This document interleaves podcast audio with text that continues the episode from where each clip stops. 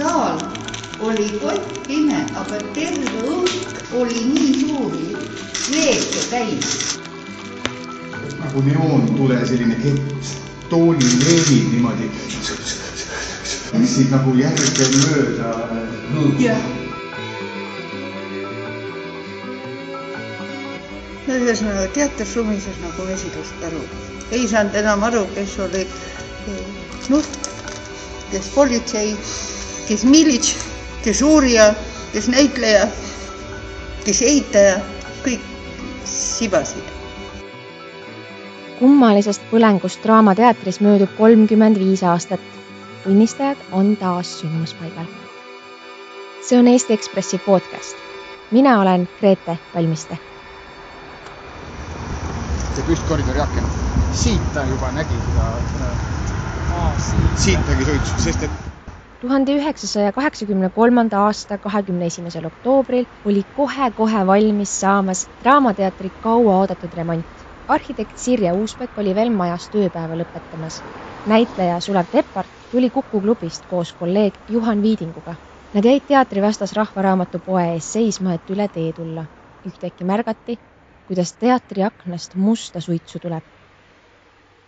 Trammitee keskel ta lasi oma mapi või mis tal oli, see kumb see asi tal käes oli, lasi ta käest lahti. ja sina hakkasid neid korjama? ja mina jäin neid korjama, ma nägin, kuhu ta jookseb ja paberid lendasid ja siis no ilmselt ei olnud kirjas, jah. liik-, ei olnud liiklust ka nii palju, et sai seda teha lihtsalt. kui ma üle tee jõudsin, jõudis tema juba siit välja ja helistama minna. Sirje Uuspek oli veel majas, kui talle toodi teade suitsuhaisust. tähendab, alustame siis teise korruse nurga garderoobist. ma näitan oma teekonna ära. see on see üks liikumisprotsess. oleme jälle Draamateatris kolmkümmend viis aastat hiljem.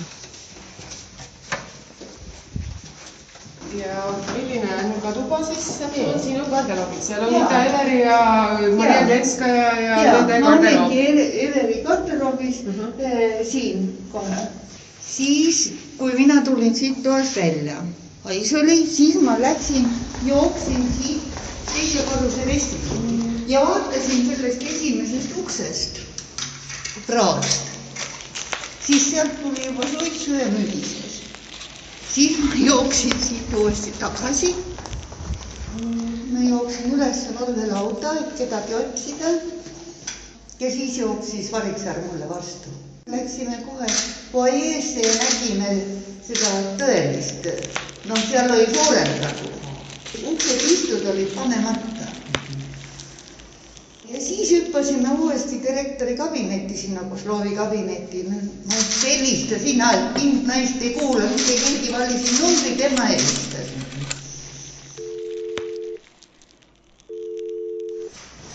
jooksime uuesti valvelauda, et võtit otsida. Samal ajal oligi Juhan Viiding jooksnud üle tänava telefoniautomaati ja kutsus sealt valjuhäälselt abi. Sulev Teppart, kes talle järgnes, nägi, et paarisaja meetri kaugusel oli tuletõrjeauto. just oli lõppenud Postimaja hoovis paberiprahi põlengu kustutamine. Teppart läks tuletõrjuja juurde. ütlesin tuletõrjujale, kellel oli Õhtulehk kanni all, Et-. Draamateater põleb ja tema ütles, mida kurat. Tegite ukse lahti sellele, te ütlesite veel, et vaadake, et uks ära ei lõhu. Jah, täpselt. uued klaasid. ja, ja siis läksime eh, selle esimese korruse fuajees siia esimese ukse juurde ja eh, ma ütlesin, siit, siin on kõige suurem möll. ja siis, kui need tuletõrjujad uksed lahti tegid, saal oli kottpime, aga terve õhk oli nii suuri veeke täis see juhtus siis, kui te ukse lahti tegite, siis sai õhk peale ja siis läks.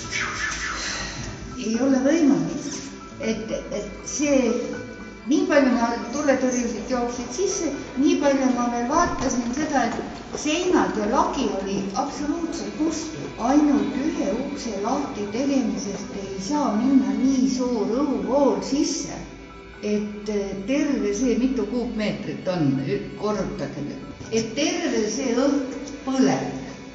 sees oli pime küll, aga mäletan ühte niisugust korraks tulevat suitsu sellist, mis nagu uuesti sinna sisse tagasi nagu neelati niimoodi kuidagi mm -hmm. ja siis vaat nagu neoontule selline kett. mul on nagu see meeles, et toolileenid niimoodi nagu niimoodi mm -hmm. läksid nagu järgemööda hõõgu jah ja noh, siis ta läks veel laiemaks, vaata alguses oli nagu üks äh, ketirida ja siis veel teised sealt lähikonnast.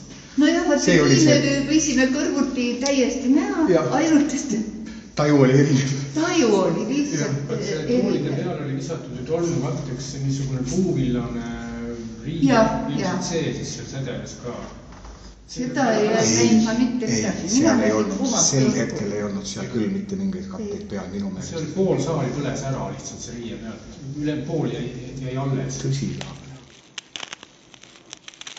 ametlik versioon ütleb, et saali süütas ülepinges plahvatanud lamp. aga need, kes kohapeal olid, seda ei usu Lähme esimesele korrusele.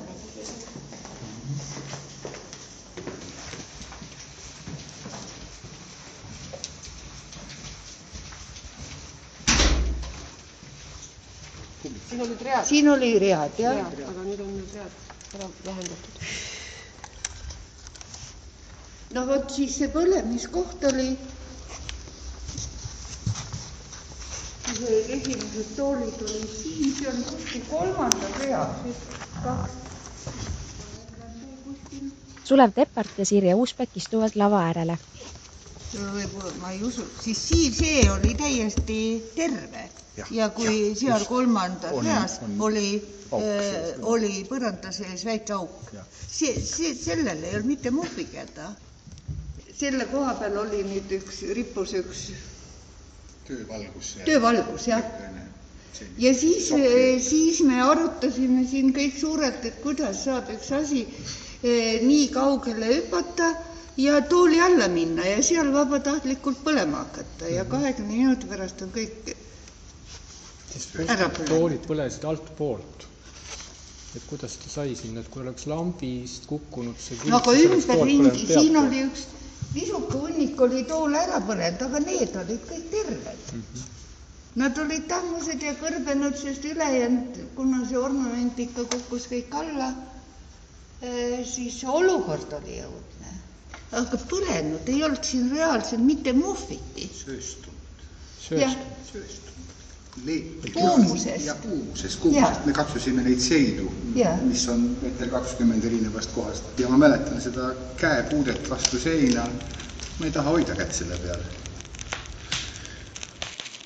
Miski ajas saalis paarikümne minutiga temperatuuri nii kõrgeks, et kuuse kuju meenutavad laeornamendid kukkusid alla ja lühtrid sulasid.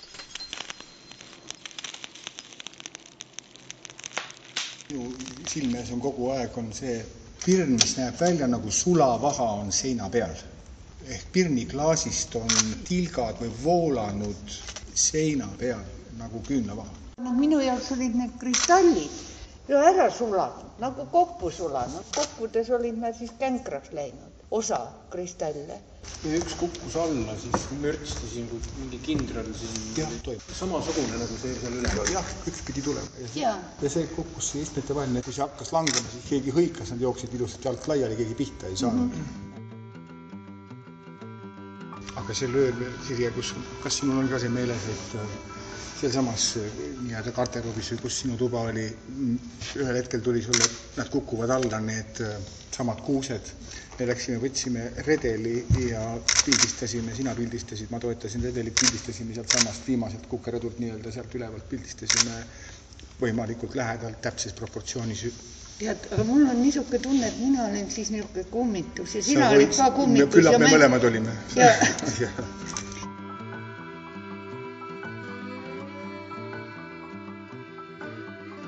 Ega siis seal, mis seal traagikat ei olnud midagi, lihtsalt väga naljakas tunne oli või niisugune ebamäärane tunne.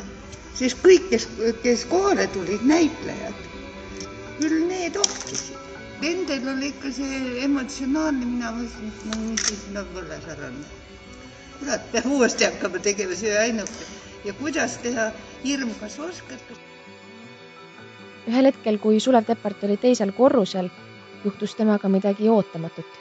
seal üks pilt näitab ka, et härrad kindralid või kes iganes juba kõrgemate mütsikuppudega mehed olid ka kohal ja härrade kindralite ümber liikusid siis nahkpintsakutes ka äh, sitkema kehahoiakuga tumedapäised noormehed.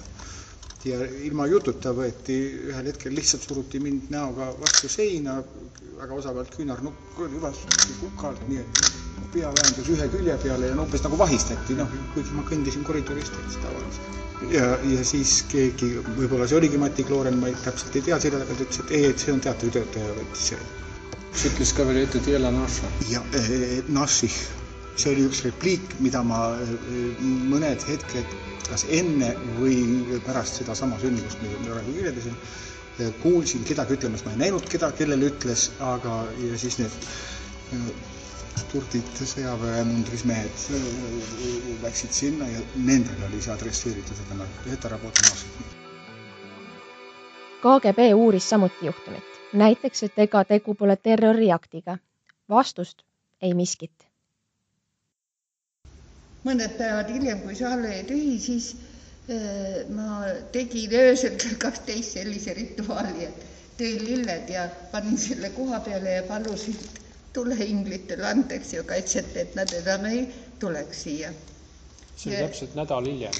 järgmine hommikul oli jälle kõveril seltskond, et, et nüüd on, nüüd on jama lahti, aga ma ei saanud arugi, miks mehed jooksid ja siis ma ei tea, kes see, kellele ma siis ütlesin, siis rahunes see maha, muidu oleks juba politsei pidi uuesti kohale tulema süüdi jäid elektrik, teatritehnika direktor ja ehitaja ametialases lohakuses. kolmkümmend viis aastat hiljem tunnistab asja kaalunud kohtunik Madis Jürgenile, et tegelikult ütles süda juba toona. See oli süütamine. loe detailsemat lugu värskest lehest või meie uuenenud veebist ekspress.ee. värskes lehes veel Sulev Veedleri lugu tõestab, et alkoholiaktsiisi ajab kõrgeks kaupmeeste kasumiahnus. miks Alu vaatleb EKRE-t? paistab, et rahvuslaste ja traditsionalistide leerid rebivad erakonda katki. Mattias Kalev avaldab arvamust. Äärmusfeministide korraldatud meestejaht ei aita naisi sugugi ühiskonnas võrdsemale positsioonile. mina intervjueerisin metsateadlast, kes rahustab. lageraie ei tapa metsa. ning Siim Nestor uurib Universal Musicu müügijuhilt, mis seis siis muusikaäris praegu ikkagi on? Eesti Ekspressi podcast ilmub neljapäeviti. oleme kättesaadavad kõikvõimalikes podcastide rakendustes, nii iPhone idele kui Androidi telefonidele. jätke meile tagasisidet Ekspressi Facebookis. Kuulmiseni